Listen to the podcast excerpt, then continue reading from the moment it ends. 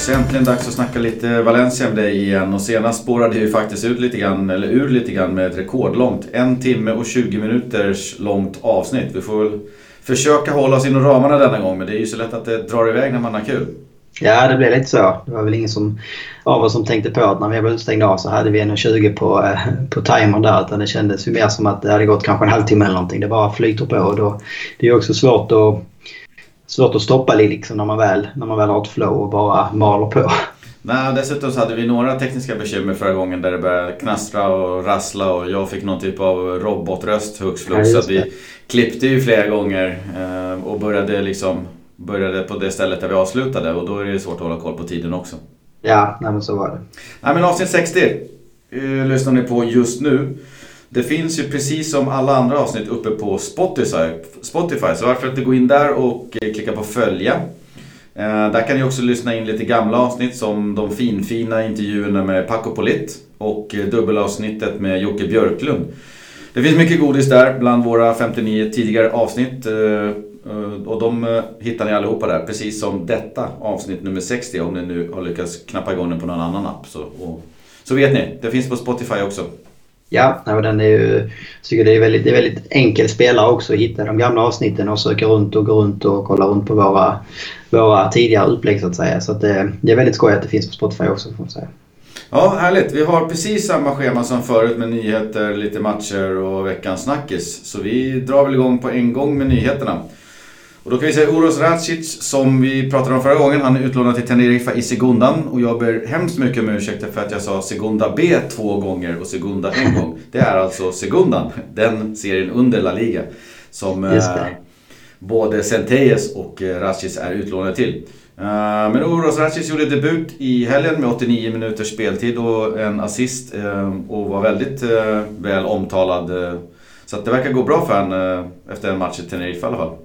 Ja, de verkar ju vara väldigt, liksom, eh, väldigt nöjda med honom och det är väl precis en sån drömdebut som man, man vill ha när man kommer då som utlånad spelare. Kommer liksom från uppifrån på något sätt och kommer kanske med lite dåligt självförtroende eller liksom en lite så halvknackig form när man inte fått så regelbunden speltid mer än då i, i, i Mestalla-laget som är en division under. Så Eh, det är skönt för Rakic och det är precis, alltså även för Valencias del så är det kanske precis det här han behöver. Liksom få en vår och vara regelbunden spelare i, i, i ett sekundalag och, och bygga självförtroende och fortsätta sin utveckling där. Ja, jättekul. Uh, speltid direkt som sagt och assist på en gång. Uh, sen är det några skador där. Coquelin skadade sig i helgen och missade Getafe-matchen här i kuppen igår ons tisdag. Eh, och samma match så klev ju då Gamero av efter en liten smäll mot foten. Han känns ju lite tveksam till helgens match då, men det beror på om smärtan försvinner eller ej. Det verkar inte vara något trasigt. Uh, I foten i alla fall. Hade du hört något mer om något finger eller? Nej, det var nog mer en, uh, en felöversättning för när jag läste det igen så stod det mm. mer att man, man, man, håller, man håller tummarna som vi säger på svenska. Ah, okay. alltså, så korsar fingrarna för att uh, skadan inte ska vara så allvarlig. Okay. Så att, det, det var nog bara mer när jag läste snabbt rubriken som jag bara Kroos eller hos dig då så tänkte jag jag har en krossat fingrarna eller någonting. Men ja, det var mer att man menar att det inte var så allvarligt och att förhoppningsvis så kan han vara, vara tillbaka till, till i alla fall till truppen till helgen igen. Ja, sen har vi Gedes då som rusar framåt i sin rehab. Han eh, beräknas vara tillbaka redan om två veckor eller, eller lite drygt det. Han behövs verkligen. Var hemma i Portugal i veckan och träffade någon expert som sägs ha återkommit med eller givit väldigt goda nyheter till Gedes. Ja, nej precis. Nej, men det, ett tag så var man ju rädd att han skulle vara, kanske vara, vara borta i alla fall hela februari också. Eh, så att han, det känns ju ändå som att han ligger, eh, ligger nästan före den prognosen som, som kom i december där när han skadade sig. Nu får vi bara hoppas att han är att han är helt frisk här. I höstas så var det lite samma sak att man stressade tillbaka honom för att det gick liksom lite tungt för laget också. Så alla, vi, vi, vi ville väl ha in honom snabbt och eh, han ville väl själv också liksom vara med och kunna bidra. Eh, men hoppas jag att man liksom har lite mer tålamod och låter hellre det gå en vecka för mycket än, än att man liksom ska slå upp skada och så är det eh, nya, nya skadeperioder igen som mm. väntar. Och jag vet inte om jag såg i, i synen, men jag tyckte mig se någon bild på Gedes i träningskläder och eh, att han befann sig på gräs. Eh, det kan ju betyda att han har börjat röra sig lite med joggning och sådär ute på gräsplanerna. Eh, han är ju absolut inte tillbaka i träning med laget då, men att han går från eh, gymmet till gräset är ju ett bra besked i sådana fall. Ja, nej, det borde ju vara rimligt. Alltså om man säger att han ska vara tillbaka om två veckor behöver vi ändå någon vecka på sig liksom rent fysiskt och mm. fotbollsmässigt för att komma tillbaka också. Så det borde ju vara rimligt att han börjar, börjar träna mer och mer med laget och liksom eh, matchas in på träningarna allt eftersom. Mm. Sen har vi nere i Segunda B. där Valencia Mestalla sladdar nere i botten. Eh, Valencia Mestalla har förlängt kontraktet med 20-årige forwarden Fran Navarro eh, som har stängt in sju baljor den här säsongen och därmed leder den interna skytteligan. Förlängningen är på 3,5 år då. Eh, det är kul för honom. Eh, går ju bra där och har eh, vad jag förstod sju år i Valencias eh, akademi bakom sig. Så att eh, egen produkt förlänger och går bra så att eh, vi hoppas att han fortsätter utvecklas därifrån.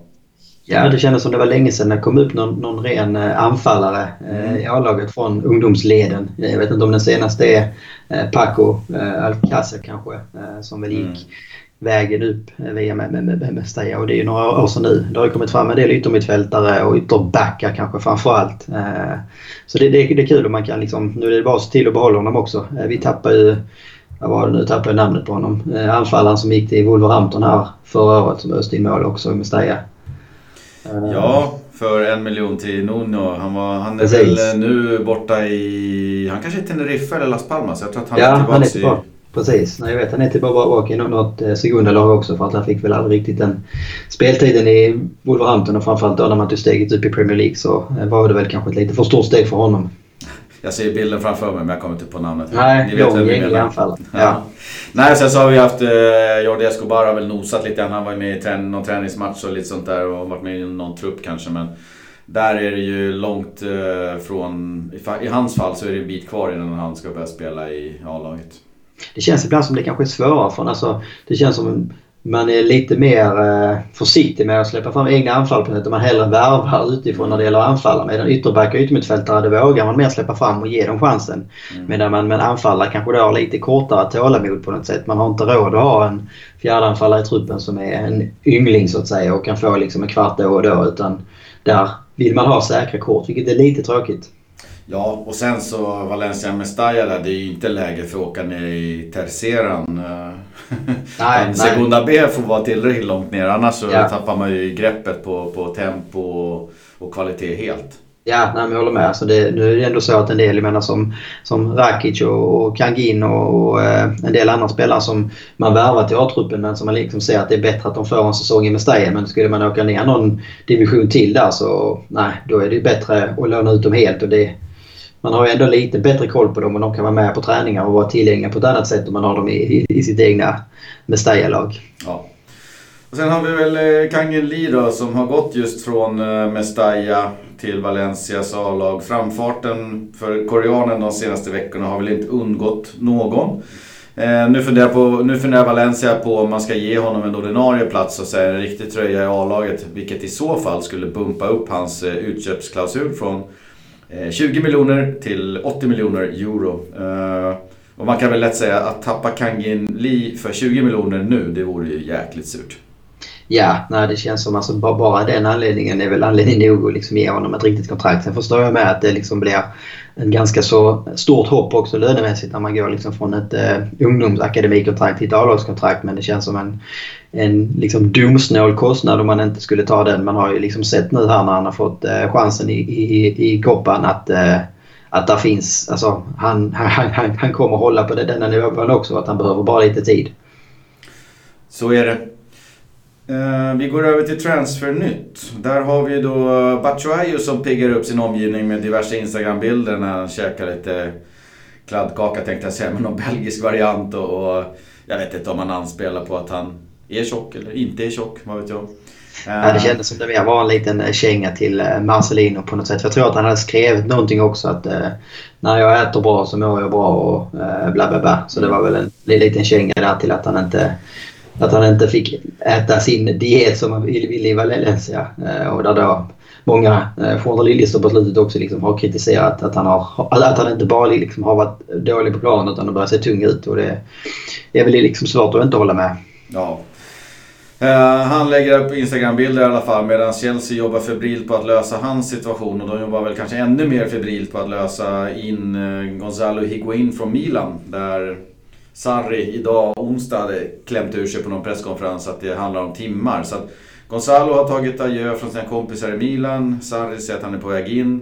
Och det startar väl då en liten... Eh, någon typ av dominoeffekt här. Batman är ju befriad från träning med Valencia. Higuain, Higuain var petad hos Milan och på väg till Chelsea. Och det mesta tyder nu på att Everton kanske kliver in och löser ett köp av Batshuayu. Monaco har inte gett upp, men de sitter liksom i baksätet och tittar på. Kanske blir det även Genoa då som har sålt Piatek till Milan och Atletico Madrid som kan bli ny adress för Morata från Chelsea. Brickor i det här spelet som till slut ska mynna ut i en ny klubbadress någonstans i världen eller Europa för Mr Batman. Alltså problemet för Valencias del är väl att alltså Chelsea skiter ju i stort sett. Så jag tror inte de jobbar ett dugg på Batman så att säga. Utan de, de jobbar ju på med, eh, framförallt med att få in Higuain och skeppa då Morata kanske till Atletico så att säga. Men för Chelseas del så där finns ju liksom en lösning för Batshuayi för deras del och det är att han är i Valencia. Eh, och de liksom har ju varit väldigt tydliga med att nej men är det någon annan klubb som ska komma in nu så handlar det om att då, då, då, då får de köpa honom direkt så att säga. Och det verkar ju inte som Monaco kanske har cashen eller är intresserad av det. Och nu har det ju ramlat in en del andra spelare i Monaco här de senaste dagarna. Så att, eh, ja, jag vet inte vilken klubb som, som känns hetast nu. Om det är, någon Premier League-klubb eller det är Genua kanske som då eh, både behöver en anfallare och väl då lär ha en del kapital så att säga efter man, man sålde Piatek till Milan.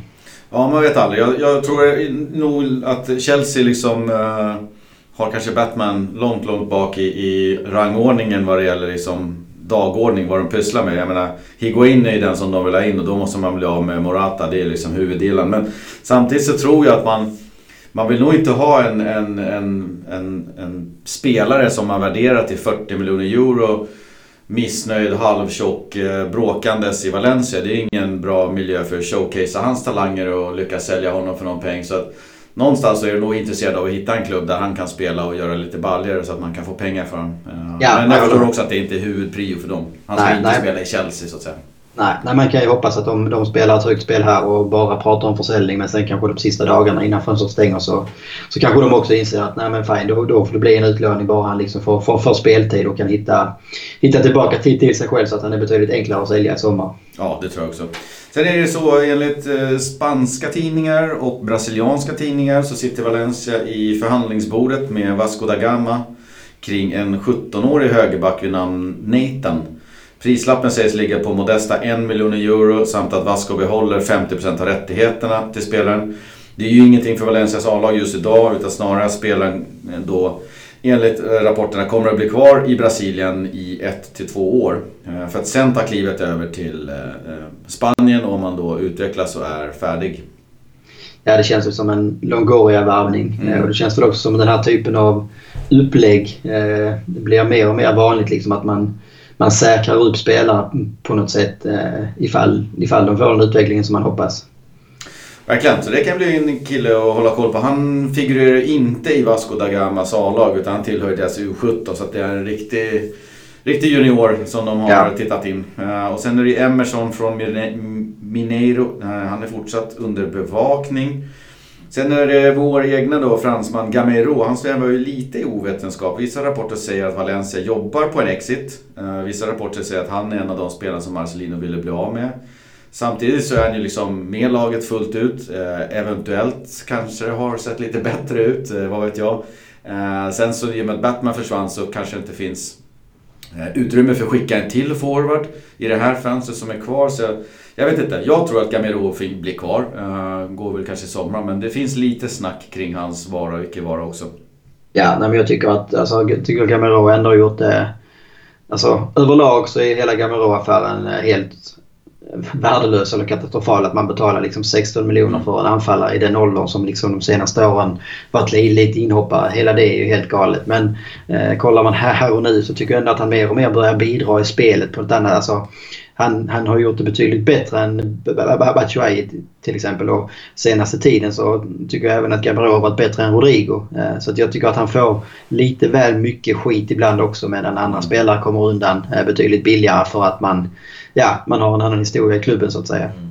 Ja, Gamero, alltså misstaget att köpa in Gamero för 16 miljoner euro, det har ju gjorts. Det går inte att sudda ut det misstaget. Det är bara man behöver inte ens Precis. acceptera det. Det är bara, ja vi gjorde, eller Valencia gjorde ett gigantiskt misstag. Ja. Vad gör vi av situationen nu? Blir det bättre av att skicka Gamero eller blir det bättre om han lirar vidare? Och just nu så kanske jag tänker att eh, det blir nog inte så mycket sämre av att han blir kvar i alla fall med den anfallsbesättningen som vi har. Och vi behöver ju fyra forwards för att klara den här våren. Så att, eh, Ja, ja, för min del så det, kan han gärna stanna kvar om man inte har någonting bättre på plats.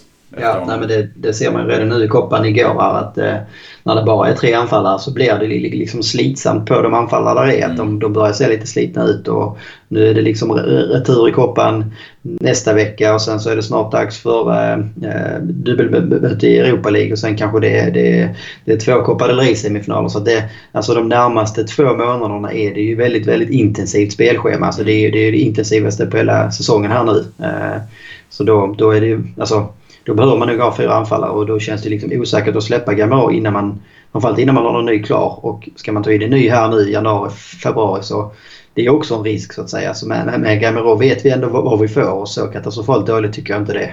Nej, eh, dåligt kan jag sträcka mig till. Men katastrofalt kanske jag inte säger. Ja, Nej, sen nej, så blir det det- möten eh, veckodag, helgdag är det ju nästan hela våren här i två månader framöver med Europa League mot Celtic och, och Koppan mot Getafe. Så det, det är full rulle alltså. Ja, nej men det, det är också så kollar man på de anfallarna som ryktas in så säger ju Chicharito verkar ju vara helstängt om man inte vill köpa honom. Eh, och då är det ju ungefär i samma belopp som, som vi betalar för Gamero och det är en anfallare i samma ålder. Så det, det får man väl hoppas kanske att man inte gör, gör samma eh, tavla där så att säga. Eh, och så är det ju eh, Kalinic från Atleti och det känns liksom som tredje gången gilt med en Gamero och en Vieto kanske som då Simeone försöker skeppa ut. Så hoppas jag verkligen inte att man går i den fällan igen. Eh, och så nu de senaste dagarna så har det väl varit eh, Belotti eh, från då Torino och det känns, känns väldigt, väldigt långsökt att Valencia dels skulle ha de pengarna eh, både för en väl transfersumma och även om inte lö- lönerna i Serie A är de högsta kanske så tror jag nog att Belotti ändå sitter på en ganska så bra lön där och eh, ja, jag vet inte om han heller är den spelartypen som skulle vara klockren i Valencia. Nej. Nej, vi får se vad som händer. Jag tror att Gamero blir kvar. Följetongen eh, att bli av med Adelan Santos fortsätter i alla fall och Anemali får slita riktigt hårt för att bli av med honom. Santos har möjligen ett fortsatt gott rykte i Portugal då efter att han lämnat Braga för Valencia för 9 miljoner euro. Eh, Rio Ave tror jag var lite intresserade här nu senast eh, enligt tidningarna. Så det pekar väl åt att han kanske hamnar i Portugal. Kämpa på Alemani. Jag önskar dig lycka Ja. till. Ja, precis. Nej, det bara liksom vem, vem som än tar honom och till vilket pris den är, höll att säga. Så det är nästan vi kan betala för att eh, någon, någon klubb bara, bara liksom ska ta över honom så att vi kan bli av med någon procent av lönekostnaden i alla fall. Ja, jag tror att han hade ganska lågt om det var en miljon eller en och en halv miljon eh, euro per år. Vilket ju är lågt i de sammanhangen. Ja, ja. Eh, Men eh, nio, nio miljoner för det köpet känns ju också som ett enormt misstag. Som. Ja, nej, men det är väl den, en av de sista av den här eran med misslyckade värvningar. Där i stort sett varje värvning liksom var eh, ett stort misslyckande på något sätt och katastrof eh, med, med tanke på hur mycket man, man betalar för dem. Eh, Marcelino har väl ändå eh, lyckats med lika må- många i alla fall som han inte har ly- lyckats med. Så att eh, det är lite bättre facit för hans värvningar. Vad händer borta i Manchester då? Ja, det började ju ploppa upp under dagen. Det var väl en presskonferens från Pep eh, som eh, satte fart på eh, lite, jag tror egentligen mer önsketänkande rykten. Alltså det Pep sa var väl att eh, Otamendi, eh, han var olycklig. Eh, han liksom var, ja han sa väl inte deprimerad men alltså han menar på att han var olycklig som som person så att säga i Manchester nu och eh, att det är såklart, alltså Pep förstod ju att det såklart beror på att han inte har Eh, har fått samma speltid som han hade kanske tidigare säsonger när han var nyckelspelare och ibland var han väl till och med kapten så att säga. Eh, och Pep var ju väldigt öppen och ärlig för att vara liksom den tränaren som har Otamendi idag och sa ju liksom att men självklart vill jag gärna behålla honom men jag har full förståelse om Otamendi själv vill, vill gå någon annanstans för att liksom hitta glädjen och bli lycklig igen inom fotbollen. Och då är det väl en del som liksom hoppas att, eh, att han vill återvända till Valencia då. Eh, men det, det känns ganska långsökt tyvärr. Eh, även om det hade ju varit en, en grym värvning och kanske precis den ledartypen som, som, som vi skulle behöva. Verkligen. Jag tror att eh, Otamendi är inte supergammal heller. Eh, och så han spelade inte supermånga matcher i, i Valencia. Uh, jag, jag, tror att han har ett par år kvar borta i Premier League och, och sen om det är i City eller inte uh, vet jag inte. Precis, ja. Nej, men det är lite så Alltså, om han väl kommer bestämma sig för att gå någon annanstans så kommer det ju vara många alltså, toppklubbar, toppklubbar i Europa som kommer att vara intresserade av honom. Uh, den enda lilla öppningen det är väl om City så att säga inte vill släppa honom till en Premier League-konkurrent. Men det lär ju säkert finnas andra toppklubbar i Europa som har lite större plånböcker än Valencia kanske som kommer att bara hugga på honom. Så är det. Och om ni nu vill veta allt om Simone Sazas möjliga återkomst till Valencia, om Kalinic intåg eller eventuella intåg från Atleti och varför inte Belottis chanser för att dra på sig Valencia-tröjan så rekommenderar vi Jockes Silly Season uppdatering på Svenska fans. Den har nyligen blivit uppdaterad. Det är en riktigt matig och härlig artikel eh, med många spelare. Ehm, Verkligen. Lite humor och mycket fakta. Ja. Lite fakta ska vi säga. Det, det är mycket Nej, det, sill. ja det är det. Nej, men det ska vi ge en stor eloge till Jocke där som gör ett jäkla jobb med liksom eh, hålla den, den eh, artikeln uppdaterad så att säga och kolla igenom alla olika rykten och nyheter som kommer. För att det, det ska man veta så att det kommer ju en oändlig mängd rykten och nyheter. Eh, så att det, det, det är ett stort jobb här i januari att försöka hålla koll och liksom strukturera upp det på ett det så pass bra sätt som jag tycker han gör.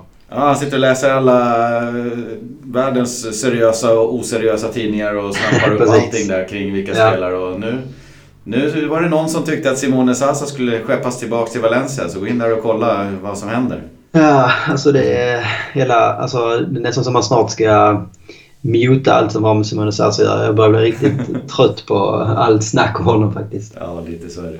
Ja, ja, vi behöver kika på vad som hände i helgen och igår i Copa del Rey. Då hade vi Celta Vigo borta för Valencia i lördag så det var ju en eh, härlig seger efter ett underläge i första halvlek med 1-0 eller 0-1. Sen klev ju Ferran in och Rodrigo avgjorde. Eh, en uddlös första halvlek följdes ju upp med en förlösande seger i andra. Primärt så var det väl ändå den stekhete eh, Ferran Torres som satte fart på Valencia med sitt inhopp. Det var ju många, inklusive eh, oss två, som ville se Ferran från start efter hans fina match i Copa del Rey veckan innan där. Men så blev det inte utan det var väl en halvkall som fick chansen.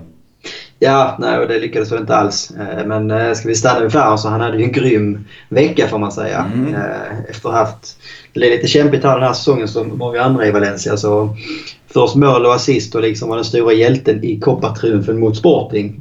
och sen då mål och ett väldigt bra inhopp i övrigt. Han kunde blivit tvåmålsskytt om han hade liksom fått till sitt avslut också där i slutskedet mot Celta. Så får hoppas att det här liksom ger Ferran det självförtroendet och farten som som, som han kan behöva. Det är lite så med, med yngre spelare att det är ofta lite upp och ner så att säga. Eh, men eh, mm. han har ju visat att han har liksom han har ju kvaliteterna eh, och nu gäller det ju bara att man liksom ger honom tålamod och att man ger honom kontinuerligt med speltid. Sen behöver det inte vara från start varje gång men några längre inhopp då och då och någon från start och sådär så tror jag att eh, Ferran Torres kan vara nästa stora genombrott faktiskt i Valencia.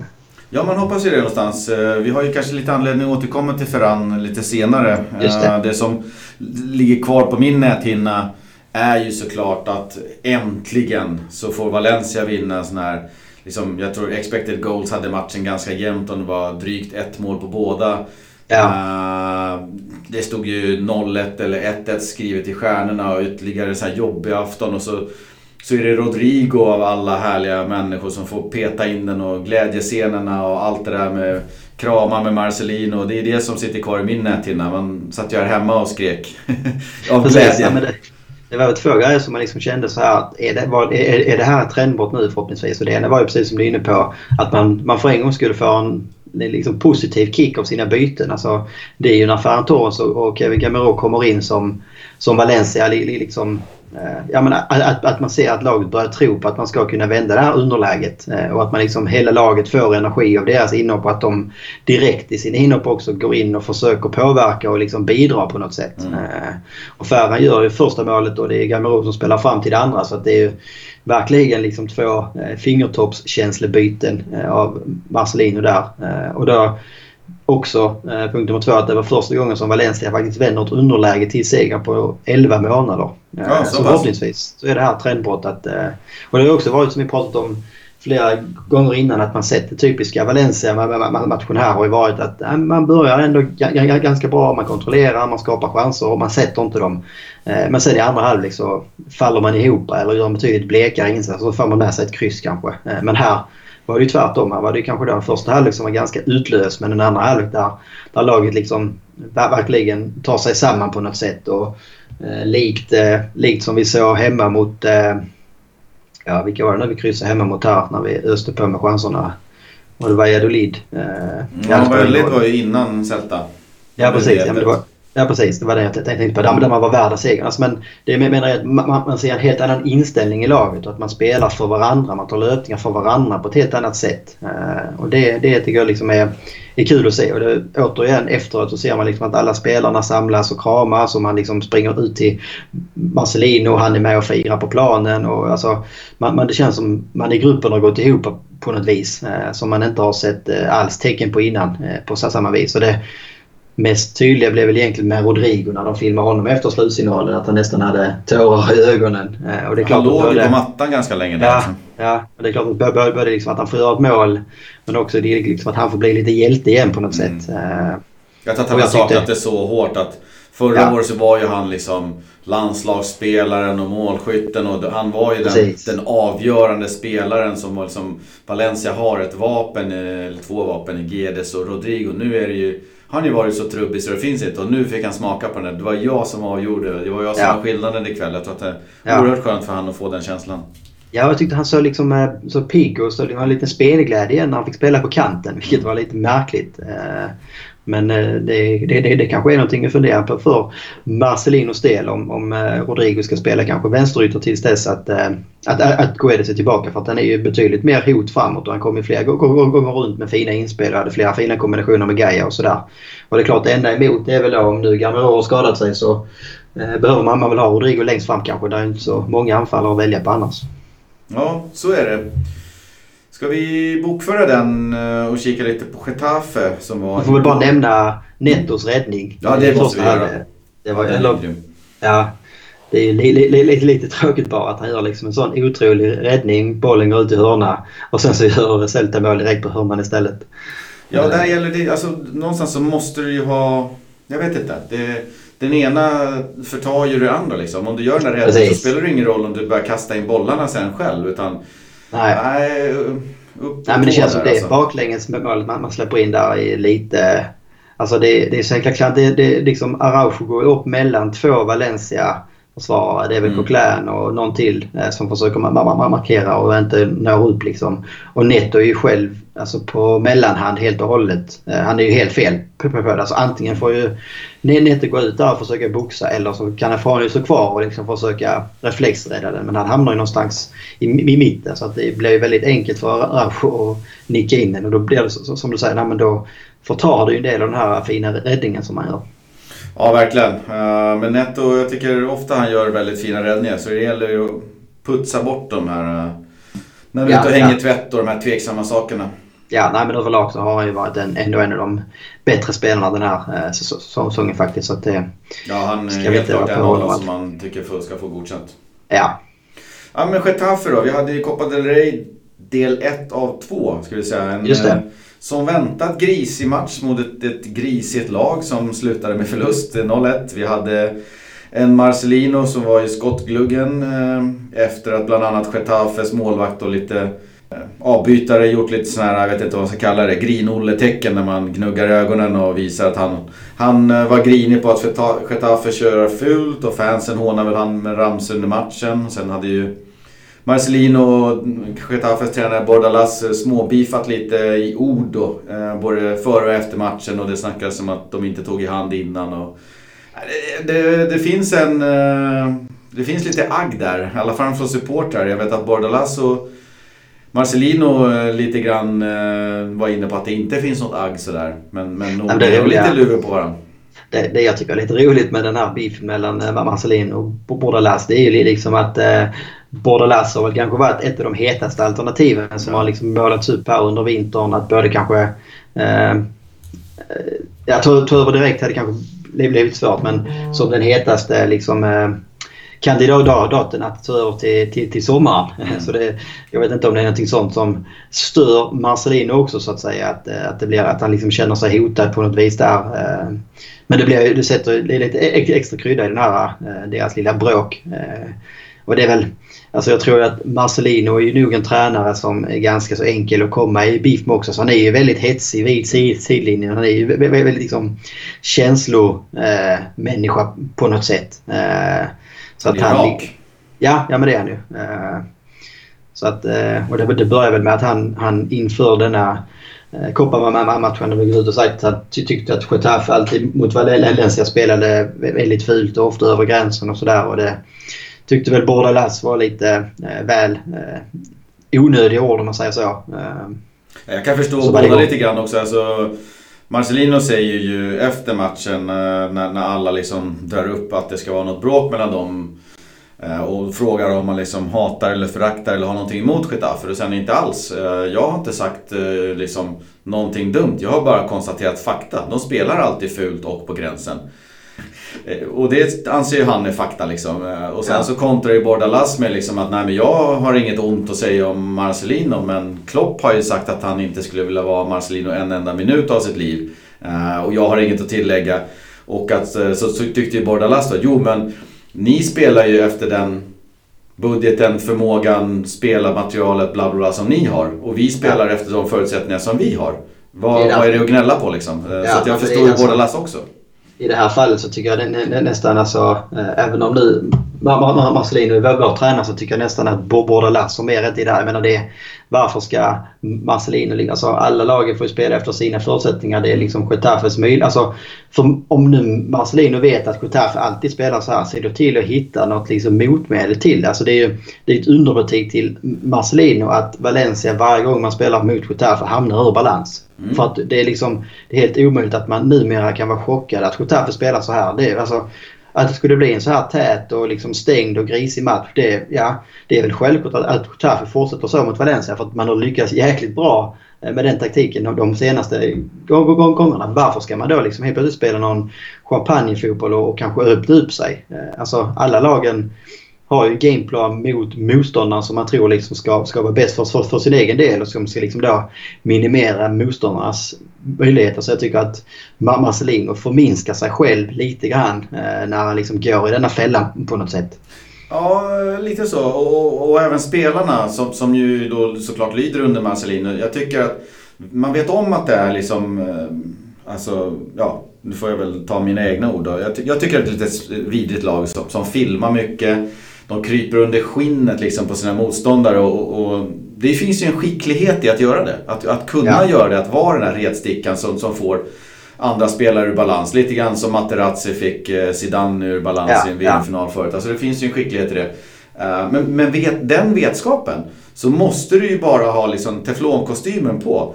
Ja. Gå inte in i de här fällorna, ge inte eftersläng. Jag tyckte det var flera spelare i Valencia, man kollar till exempel på Kangin Lee Eh, man kan se Cheryshev eh, i matchen igår också. De är ju klart irriterade och klart ute med lite efterslängar och fula tacklingar. Och man säger, nu är de förbannade. Släpp det där. Fokusera på fotbollen bara. Eget ja. spel, kör. Eh, vad var det? Fem gula till Valencia och tre till Getafe bara i andra halvlek. Det är så här, Exakt. Nej, nu har vi gått in i fällan. Ja, nej, men det, det säger ju allt att man, man tillåter ju Getafe påverkar liksom, eh, sin, sitt, sitt, eget fokus på något sätt. Mm. Alltså Valencia kommer inte igång heller spelmässigt. Alltså, vilken gameplan Valencia hade igår är väldigt svårt att säga för spelmässigt så jag tror man hade ett avslut på mål och då är det liksom ganska så omöjligt att vinna någon, någon match. Eh, sen är det klart att Getafe är skickliga defensivt. Jag tror man är ett av de lagen som släppt in minst mål i ligan.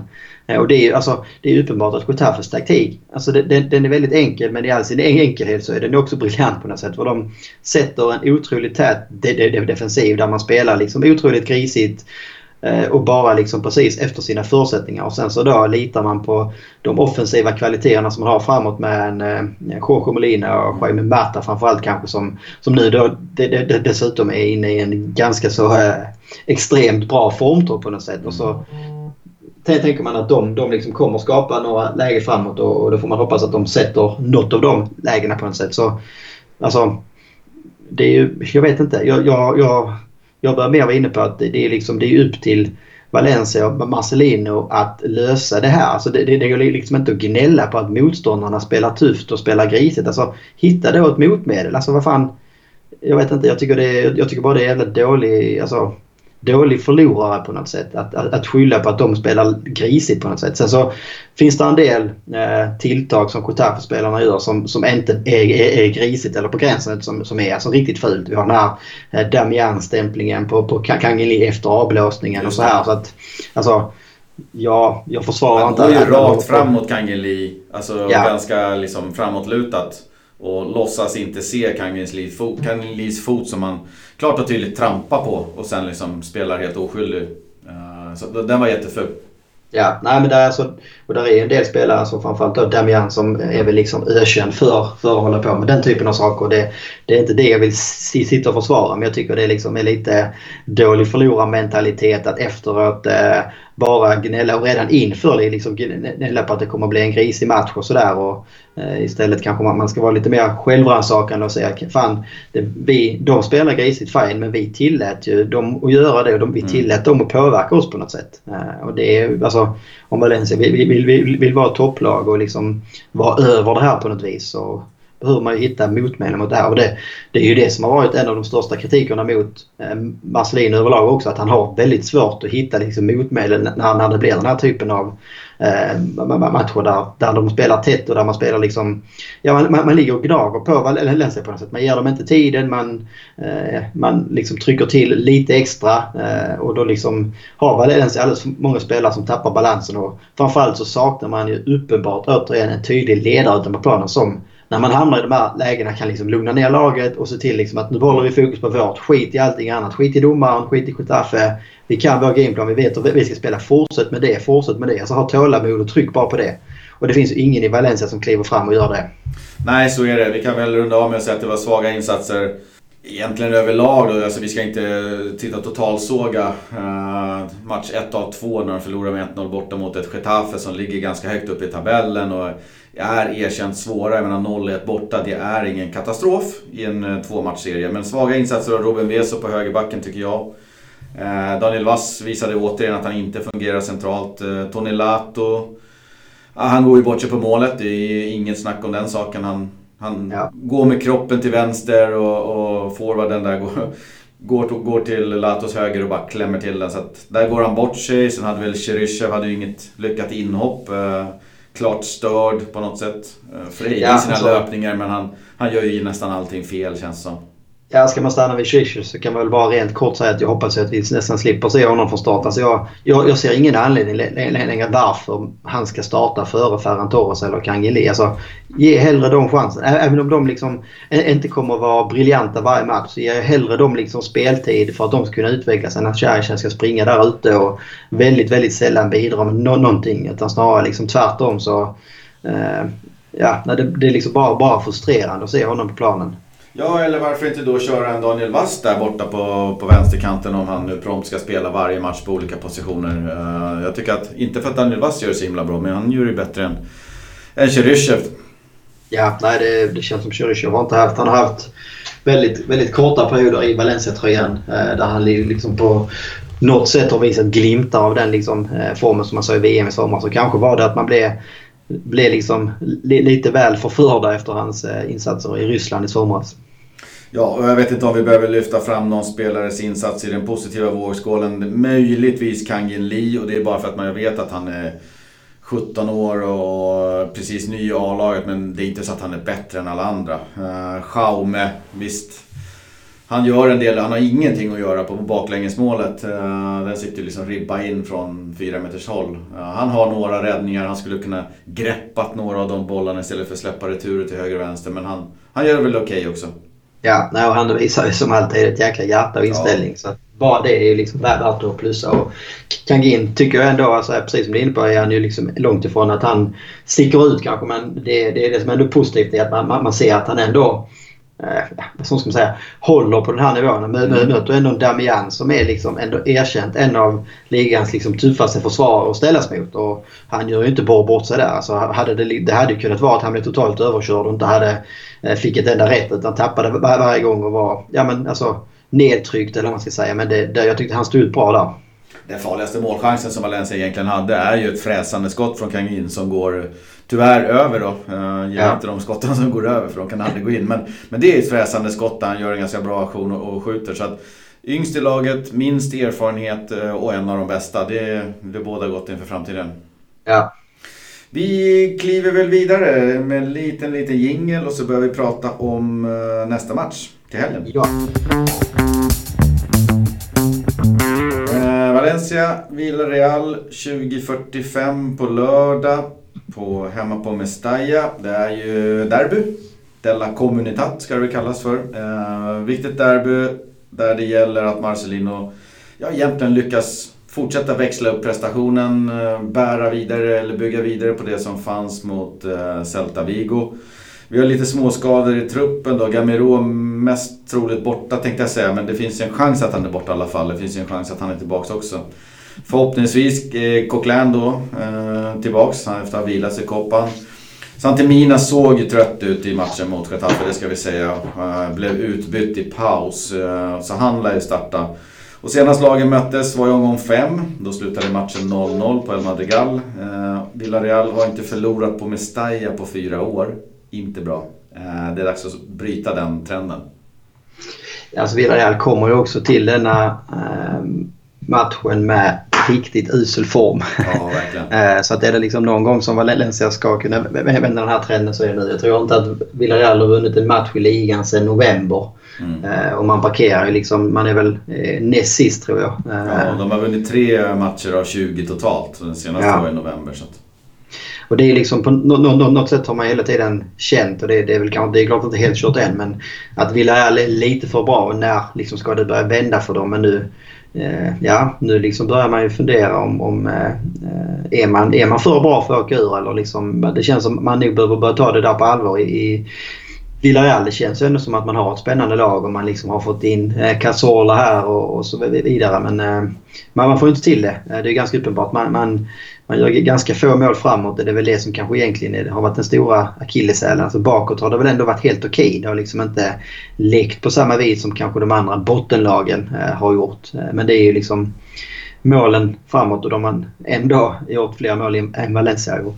Ja, Valencia har gjort 19 och, och Villarreal har gjort 21 så att, eh, jag menar, det är inte alls bra nya tränaren där, Luis Garcia, som tog över efter 15 omgångar. Han har skrapat ihop fyra kryss och en förlust på sina fem ligamatcher som han har haft på sig. Och, ja, det är som du säger, det vill ju till att den gula ubåten snart lyckas hitta en ny vinnande kurs om det inte ska sluta i Segundan. Och ja, dessutom är ju Fornals på väg bort, vad de säger.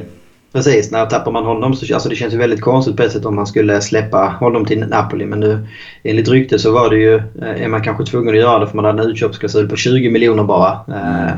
och det är ju ett riktigt fyndpris för Fornal så tappar man honom som ändå är den stora Eh, kreatören framåt på något sätt. Och man, utan, eller med honom om man ändå har svårt att göra mål och ska man då tappa honom också så känns det som att det, det kan bli en riktigt jobbig vår. Och man hade väl kanske trott när man gjorde tränarbytet då hyfsat tidigt redan efter 15 omgångar att, att, att det skulle få liksom en positiv effekt och vändning men det blir snarare tvärtom att det, det har bara blivit fyra poäng på hans fem första. Så att, eh, ja, det, det är ett skakigt Villarreal som kommer eh, och det är väl bara att hoppas för för våran och Valencias del så att säga att, eh, att man får den här moralboosten som segern i, i Vigo eh, förhoppningsvis gav och att man nu liksom kan, kan börja rada upp lite segrar efter varandra. Så det har ju varit lite så här innan också när, när Valencia tagit en seger i ligan. För det, det ska gudarna veta att vi står fortfarande bara på fem segrar. Så mm. det är liksom inte...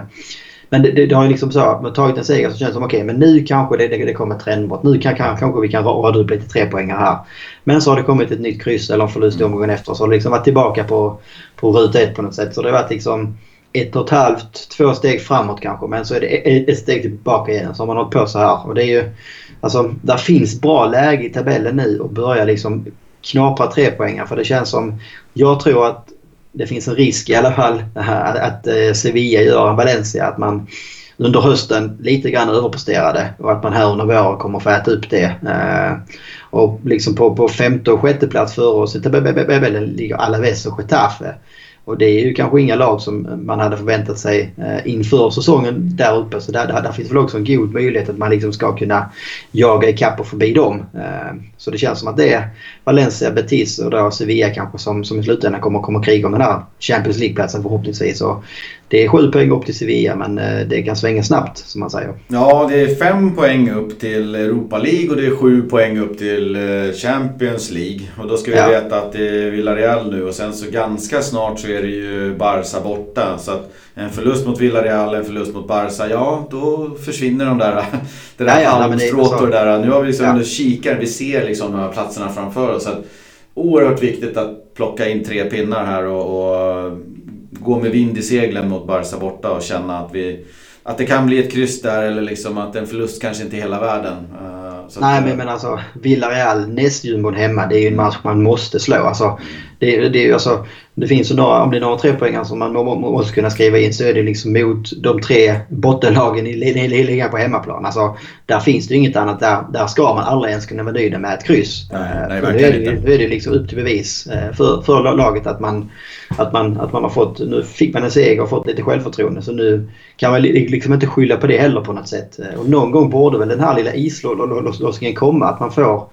Jag vet inte, alltså lite stolpe in. Att man, man helt plötsligt börjar göra mål på målchanser som kanske inte är med målchans. För det är, det är lite intressant. Vi fortsätter att tjata och följa den här expected goals. Och det, kollar det gillar liksom vi i alla fall jag. Ja, men kollar man på den, den, den, totala expected goals som vi pratat om innan. För säsongen faktiskt, då?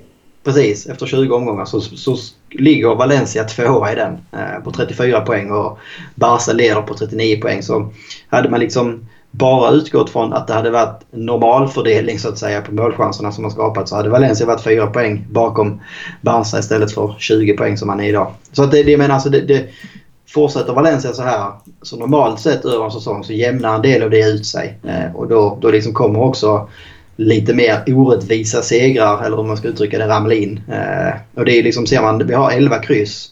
Ja, alltså på de 18 närmaste omgångarna eller 18 är det väl kvar nu. Eh, liksom kan man minska de, de kryssen och ta sju segrar där eh, så, så blir det ganska stor skillnad poängmässigt.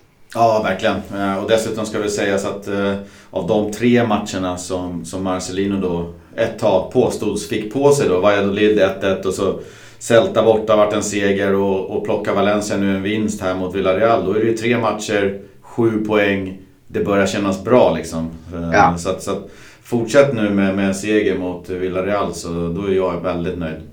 Gärna, jag håller med. Ska vi kika lite på vad det snackas om där ute? Ja, det tycker jag. Veckans snackis. Det har denna vecka varit Ferran Torres. Eh, vi tänkte ta oss en liten titt eh, och ett litet snack kring denna för tillfället stekhete yngling. Ja, väldigt lämpligt val denna ve veckan efter den eh, otroligt framgångsrika ve veckan som han har haft. Han har två mål och två assist och sånt där va? Ja, precis. På, ja, en, en match från ska start och ett inhopp på 20 minuter eller någonting. Ja, lite islossning där. Vi kan väl dra lite bakgrund där innan vi börjar prata om honom. Uh, han är född och uppfostrad i Valencias norra förorter. Kom till klubben som sexåring. Har blåst igenom alla steg i Valencias ungdomsakademi hela vägen upp till A-laget. Uh, inför fjolårssäsongen då så lyfte man permanent upp honom till Valencia Mestalla och bara någon månad senare gjorde han debut i Marcelinos A-lag när han fick hoppa in i Koppan den 16 november 2017. Eh, La Liga-debuten var två veckor senare och sen dess har egentligen eh, han varit en truppspelare i A-laget då. Eh, en del av Marcelinos lag. Jag har gått lite upp och ner med, med speltid och starter och, och, och leverans från hans sida men lite så har det, väldigt snabbt har det gått på slutet. Ja, det får man säga. Och han var väl tydligen då när han debuterade i laget var han den första eh, spelaren född då på 2000-talet att debutera i La Liga. Eh, så det är någonting som man alltid kommer att ha med sig i alla fall. Och det är liksom det är väl kul att Valencia fortsätter ge chansen till. Eh, det, är alltid, det känns som att de senaste säsongerna så har det ändå varit någon ny yngling varje år som liksom slår igenom. Vi har haft eh, Carlos Soler och Tony Lato kanske de, de senaste säsongerna och det känns som Ferran Torres är väl då näste man på tur att få sitt riktiga genombrott. Och som du var inne på, efter en tung tung start eh, denna säsongen. Vilket kanske inte är så konstigt då en yngre spelare i ett lag där det är dåligt självförtroende och kanske inte heller varit superharmoni i truppen så att säga. Så eh, har ju Ferran varit en stor del av att man nu börjar se en vändning här och seger i Koppan och segern senast har ju han varit den stora regissören till. Ja, han ligger ju bakom uh, Koppasegern där när vi gick vidare och sen ja. uh, tycker jag nästan han låg bakom segern mot eh, Celta också. När han kommer in väldigt pigg och stänker dit 1-1 till att börja med ja. liksom, med en snygg ja. yttersida. Det man kan säga också, om man ska sätta lite i perspektiv. Den stora juvelen som det har snackats om i 3-4 år är ju Kangin Lee. Och Ferran är ju exakt ett år äldre än Kangin Lee. Det känns ju som att Ferran har kommit väldigt, väldigt långt uh, i A-laget med tanke på det. Han är inte liksom 2-3 år äldre utan han är exakt ett år äldre. Ferran fyller 19 nu i februari och Kangin Lee fyller 18 i februari. Uh, och Torres blev ju i och med sitt mål nu här i La Liga Valencias tredje yngsta spelare att göra mål i La Liga efter bland annat Juan Mata då, som ligger tvåa. Så att, eh, det är ju fortfarande en otroligt ung spelare som eh, har samlat på sig väldigt mycket erfarenhet över ja. egentligen en och en halv säsong kan man ja. nästan säga. Ja, Nej, jag håller med. Det är väl en, alltså, en spelare som jag förstod att han, en av, eh, han gillar väl Gonzalo Guedes eh, tydligen och ser väl lite, li, lite grann han som en liksom förebild och att eh, de har ju en del paralleller i sin spelstil på något sätt. Att de är lite så här dribblers i hög fart skulle man väl eh, säga och liksom eh, vill gärna göra poäng framåt eller liksom det känns ju som båda två har ju så fort man får bollen så blickar man ju framåt och vill göra någonting med den och väldigt sällan liksom är man kanske den här yttermittfältaren som vill börja om och vara med inom speluppbyggnaden. Utan man vill hela tiden hota och eh, vara väldigt kreativ på något sätt. Ja, jag tänkte att då, jag kan väl nämna också att han i år har då fått lite mindre speltid än eh, förra året. Eh, kändes det som i alla fall.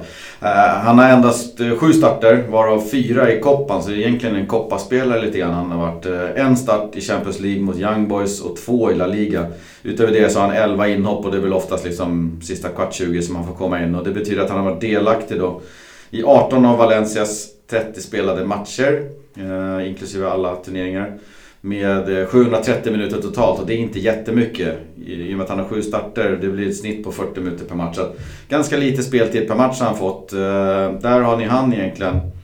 Eh, en tuff höst, helt ur form. Jag vet att vi pratade om honom några gånger. Att det, vad har hänt liksom med Ferran med, med speeden och han utmanar och kommer inte riktigt till sin rätt. Jag vet att han figurerade på vänsterflanken någon gång när Gedes var skadad. Han hoppar väl oftast in eller startar på högerflanken. Vilken position skulle du vilja se Ferran spela i? Så det verkar ju som att han, han trivs bäst som högerytter på något sätt. Eh, och egentligen, alltså, kollar man krasst på det så skulle man också kunna påstå att han egentligen är truppens enda högermittfältare. Eh, så med, den, med tanke på det så är det lite konstigt kanske att han inte fått mer speltid. Och att han liksom, Soler har ju varit den givne startmannen där men jag tycker att han borde kanske lite oftare varit ett alternativ att slänga in i slutet av eh, matcherna för att liksom få in lite ny energi, få in en pigg spelare, få in en, en, spelare som liksom kommer in i 80 minuten och börjar utmana. Och, eh, de kvaliteterna som Ferran har så känns det som, som en perfekt inhoppare egentligen. Så jag kan tycka det är lite konstigt att man inte utnyttjar honom mer. Eh, för det är ju, alltså att han har inte liksom sett så bra ut som vi hade hoppats i höst. Att drivlingarna inte har funkat och liksom speeden har inte varit där. Det tror jag mycket hänger på att han inte har fått samma, samma speltid heller. För att han behöver ju liksom spela och hela tiden eh, utmana sig själv och ta liksom, de här småkliven framåt på något sätt. Nej, och sen så tycker jag att han har drabbats lite i år av eh, hela det här att Valencia spelar inte med så mycket speed. Det, det känns, min känsla är att Ferran Torres är ju en en fullständigt perfekt pusselbit i ett eh, spel som Valencia hade förra året där man har snabba omställningar. En, en speedkula som, som vänder framåt direkt och är ett alternativ för mittfältet att spela ut på. Sen kommer man med lite bra inlägg och sånt där. I år har det mer, tycker jag, blivit liksom någon typ av sirapsspel där Valencia vill ta tag i bollen och då står ju kanske Ferran gör en löpning, får stanna av, kliva tillbaka och så börjar man trilla boll liksom. Ja, nej, jag med. Laget har ju inte riktigt eh, spelat den typen av fotboll tycker jag som, som gynnar Ferran. Och det tyckte jag man såg eh, var i koppan här. Både hans eh, mål och framspelningar där, det var ju snabba spelanvändningar när han kommer ut och så slår han in inlägg till Santemina som kommer också i fart. Så att, eh, den typen av spel tror jag han gynnas av. Ja, nej, men det, är det, alltså det, är det, det känns som det också. Alltså, kan man få igång honom, eh, få tillbaka Guedes, så har man kanske helt plötsligt båda kanterna som, som liksom kan vara det här hotet och som kan göra de här inspelen och få till de här spelvändningarna. För då vet vi ju att framförallt Santemina kanske, men jag tror även att Kevin Gamero skulle liksom, är en bra boxspelare i det och vet att han ska vara på rätt ställe inne i boxen. Eh, Och då tror jag att eh, man, man kanske också kan, kan få igång hela anfallsspelet på ett helt annat sätt när man får fler, fler spelare som hotar helt enkelt. Alltså det är skillnad om man spelar med en Cherchev och en Vass på kanterna kanske som motståndarna inte direkt känner som ett hot. Då är det, då är det betydligt enklare liksom att, att stänga ner övriga offensiva spelare och så blir det väldigt, och ser väldigt, väldigt trubbigt ut. Mm.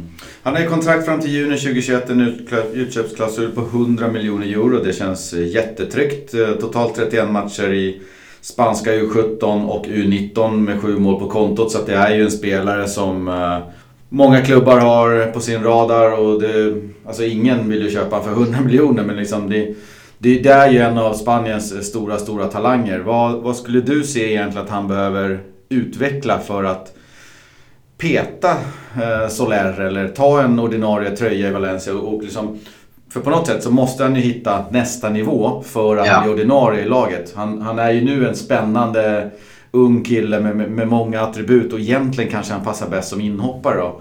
Ja. Eh, vad, vad ser du att han behöver utveckla i sitt spel? Nej, men framförallt så är det ju jämnheten och det är jävligt tråkigt att säga för att för att kunna få jämnhet så behöver du liksom få speltid och få liksom tålamod.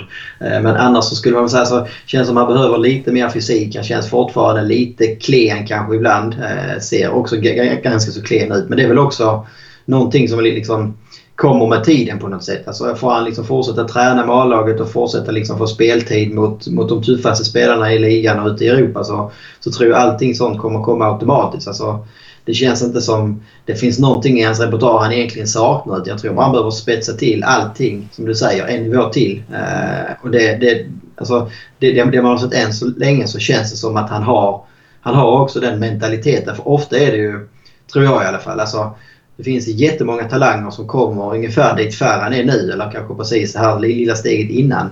Men det, alltså, att ta det sista steget det är nog väldigt mycket mentalt. Att du, Alltså, Tony Lato kan man ju tänka, och sen kommer ju också till A-lag, men det, han där lyfter inte riktigt det sista. Nej, nej men det är ofta så med de yngre spelarna att de har liksom haft eh, liksom sprungit igenom alla olika akademilagen, man har varit med i olika typer av landslag och man liksom hela tiden eh, utvecklats och tagit steg framåt och liksom varit en, eh, ja men de har sprungit upp för en trappa på något sätt. Och sen så är det ofta då när man, då för de flesta spelarna är det så här när du kommer upp i seniorlaget att det, det, blir liksom motstånd. Alltså du får kanske din första lilla motgång, du får din för, för första lilla formkurva, du kanske börjar fundera, eh, behöver ändra på någonting, vad är det som händer och så vidare. Och de som då liksom inte har tillräckligt med självförtroende eller är tillräckligt mentalt starka de fastnar ju i det tror jag. Alltså så, och så kommer man inte vidare liksom. Men känslan är väl ändå att Ferran Torres har, har liksom vad som krävs för att kunna ta eh, nästa steg. Eh, så det är väl bara att hoppas liksom att, att klubben och man, fortsätter tro på honom och fortsätter ge honom chansen och fortsätter ge honom chanser även när han misslyckas. För det, det är väl kanske framförallt då som de här yngre spelarna behöver känna att man har förtroendet för att annars så kommer det slut. Framförallt en spelare som Ferran eh, som liksom lever på sin kreativitet och att våga. Så känner han att ah, fan, varje, varje gång jag misslyckas så blir jag utbytt. Eh, ja men då, då kommer helt plötsligt han bli en feg eh, spelare ute på planen och då, då kommer man aldrig få användning för hans yppersta kvaliteter på något sätt. Att han ska ju fortsätta våga och vara kreativ och tillåtas att inte lyckas exakt varenda gång. Och i dessa Fifa Financial Fair Play-tider så är det ju av yttersta vikt att man får upp eh, egna spelare som, som, som blir A-lagsdugliga, om en som inhoppare eller truppspelare. Men du kan inte sitta och värva en massa Cherishevs och, och Gameros och, och, andra spelare för att sitta, sitta och ha dem på bänken och vara truppspelare för eh, tiotals miljoner euro. Liksom. Utan Ferran kommer ju liksom inom situationstecken köp, köpmässigt kommer han gratis och möjligen så kan han inbringa en peng då någon gång. Men äh, man måste ja. få in egna talanger i leden. Ja, nej, men det är som vi pratat om innan, alltså både som du säger för att liksom om man ska uttrycka det, fylla ut truppen på något mm. sätt så behöver man ha egna spelare. Men också så behöver man ju vara, som vi var inne på förra gången, som där liksom Dortmund är, otroligt bra. att Ta fram spelare, förädla dem eh, och sen liksom kunna sälja dem dyrt för att liksom kunna bygga eh, ett lag av de pengarna som kommer in för hela tiden. Liksom, att eh, snurran ska ju gå runt i det här kretsloppet på något vis. Alltså, eh, Valencia kommer väl alltid vara liksom en, en klubb som behöver göra lite större försäljningar för att kunna liksom behålla sin plats uppe på eh, pyramiden eller liksom kunna, kunna ta sig upp dit. Eh, det kommer ju ta tid innan man är, eh, är en klubb som liksom på något sätt eh, Ja, men har, har intäkter från andra håll med sponsorer och med tv-intäkter och liksom eh, är det varumärket som då till exempel Real eller Barca är som liksom kan dra in miljoner och miljoner från, från, andra, eh, från andra ställen så att säga. Valencia för att liksom kunna utmana behöver ju få upp talanger och kunna, kunna göra några större försäljningar var eller varannan säsong. Och sen så gäller det då att det kommer upp någon ny som liksom fyller platsen i, i truppen på något sätt. Ungefär så som Dortmund är kanske bäst i världen på just nu. Ja, och något hack längre ner i pinskalan så har ju Ajax i alla år varit bra Precis, exakt. Ja. Uh, ja. Däremot så, eller däremot, jag skulle vilja säga det om Ferran också att jag tror att vi allihopa behöver ge honom lite tid också. Nu har han funnits i A-laget en, en, bra tag, men kolla bara på en sån uh, som José Luis Gaya. Som också har oerhört mycket matcher nu i A-laget. Men det är nästan, alltså han har ju varit bra och ordinarie, men det är nästan i år som han har tagit det där steget när man känner att nu har han blivit liksom mentalt och, och speluppfattningssätt ett hack bättre. Och har ju varit eh, galet ordinarie och, och tagit plats i spanska riktiga A-landslaget i liksom tävlingsmatcher. Så att, även fast eh, han har figurerat i, i, i Valencias lag också så känns det som att det där absolut sista steget ut till eliten kanske Gaia tog i, i år. Ja, nej, men det håller med om. Alltså, både som du säger, alltså med bli aktuell för A-laget och sådär och även eh, som en ledare på något mm, sätt. Alltså, det känns precis. som att han, han har liksom klivit fram som, eh, som en, en, en av lagkaptenerna ute på planen och, och är liksom, går gärna längst fram i bräschen på något vis. Och både då liksom rena ledaregenskaper men också på bästa sätt att leda är egentligen genom sitt, sitt, sitt spel. Och där är väl han en av de spelarna som har liksom hållit jämnast hög nivå under hela, hela året egentligen. Ja, och jag vet inte hur gammal han är men jag skulle visa på en 24 någonting. 23-24 ja, där. Ja. Så att uh, Gaia är ju fyra år äldre än uh, Ferran och har ju gått i, i samma spår. Eller det är väl Ferran som går i Gaias spår hela vägen från ungdomsled upp i A-laget. Så att, uh, ja. Vi hoppas att Ferran blir en lika viktig kugge i Valencias A-lag i framtiden som Gaia är. Absolut, det tror jag och hoppas på. Vi eh, avslutar veckans snackis där och eh, börjar väl kika lite framåt mot Villarreal-matchen och scorecasten. Ja. Ja, vi hade väl en poäng var senast. Du hade Santemina som första målskytt. Eh, senast här mot Celta Vigo så blev det icke. Det är 1-3. Jag tyckte ju att Ferran skulle trycka in 3-1 där på slutet när han får den här inspelet ja, in i boxen. Men det, ja. Jag hade 0-1, eh, försökte vara lite kreativ med Cherysha men den, den flög inte kan jag säga. Han fick ju spela i alla fall, det var väl det. Ja, ja, Tyvärr ska sägas. Eh, men vill du börja? Eller är det min tur att börja?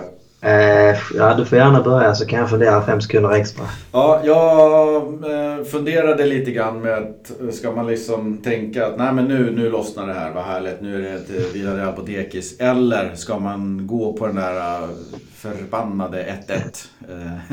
Det skulle ju som sagt inte förvåna mig om det blev 1-1. Men fyraåriga förbannelsen med, utan vinst mot Villarreal kommer att brytas. Det kommer att bli 2-1 och det kommer att vara Santemina som är målet. Ja, intressant.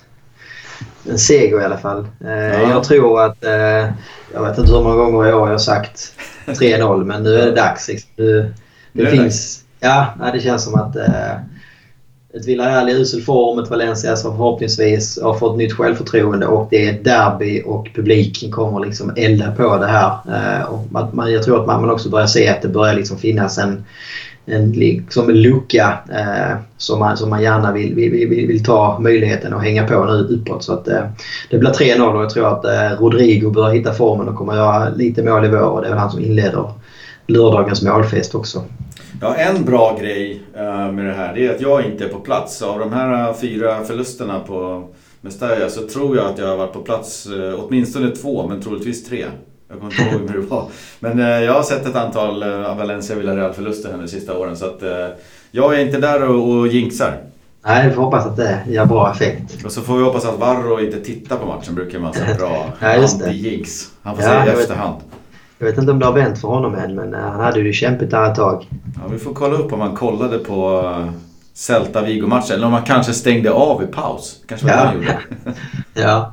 ja, men just med Skakar så kanske vi väl också jag får kanske lite grann be om ursäkt. Det var länge, länge sedan vi drog ställningen nu. Vi ska väl försöka ta ett tag och eh, få ihop det igen så vi kan mm. redovisa ställningen. Eh, vi kan utlova det till nästa vecka då. Så Precis. Och vi kanske också ska vi kan väl utlova också att vi kan lägga upp eh, i alla fall eh, toppen någonstans i våra sociala medier som man kan se. Eh, för ibland kan det vara lite rörigt kanske att gå igenom en tabell i ljudform. Ja, så vi kan väl försöka få upp en bild på det inom den närmaste veckan. Det har inte haglat in poäng. Nej, det är väl så. Det är några som har satt någonting här och var men det har varit skralt med poäng. Ja, nej, men vi hade någon, någon tabell där i slutet av hösten eller mm i december. Så vi får, kan väl utgå från den och sen lägga på de få poängen som ramlat innan de sista veckorna. Så är det. Nu höll vi nog på ungefär i 65 minuter får det bli. Så att, uh... Kryper neråt i alla fall var, varje gång. Snart är vi nere på de här 45 som vi har tänkt oss igen. Ja, så är det. Eh, men då så, då får ni ha det himla roligt. Eh, det kan vara så att det är en Getafe-match nästa vecka va? Som ja, vi kunde ja, ha snackat upp i den här podden. Men nu har vi valt att inte göra det. Eh, vi snackar ner den i nästa avsnitt istället. Ja, och så ser vi fram emot eh, Villarreal. Kort sagt så kan man väl säga att Valencia har ju satt sig i en ganska tuff sits inför den här turen. Alltså, kollar man på Getafe så är de svåra att göra mål på. Eh, så jag tror för Valencias del, om vi bara kort ska hålla med det, så tror jag det gäller att försöka hålla nollan hemma på Mestalla. Gör Getafe ett så behöver Valencia göra tre. Och det tror jag inte att Getafe släppt in en enda gång i år. Så att, eh... Nej, hålla nollan är det viktigaste. Så länge nollan är intakt bakåt så lever ja. matchen ända in i sista Precis. sekunden så att säga. Ja. Och Valencia känns ju av idag inte kapabla till att göra tre mål. Nej, det är lite så. Valencia har varit utlösa framåt och Getafe liksom, eh, har varit väldigt, väldigt stabila bakåt. Man, har, man, man släppte...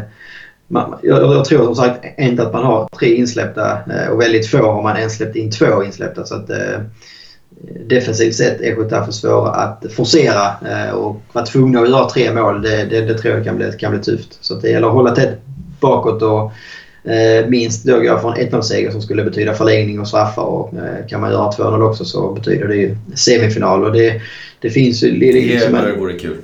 Ja, no, det känns ju som att det, det, det finns liksom goda möjligheter i år. Alltså Atletico är redan utslagna. Eh, Sevilla och Barca möts i kvartsfinal så ett av de lagen kommer också ryka. Eh, Real är inte helt... Alltså de möter Girona. Eh, vi såg vad, vad, Girona gjorde på Atletico så den mm. ska man nog inte helt skriva av heller.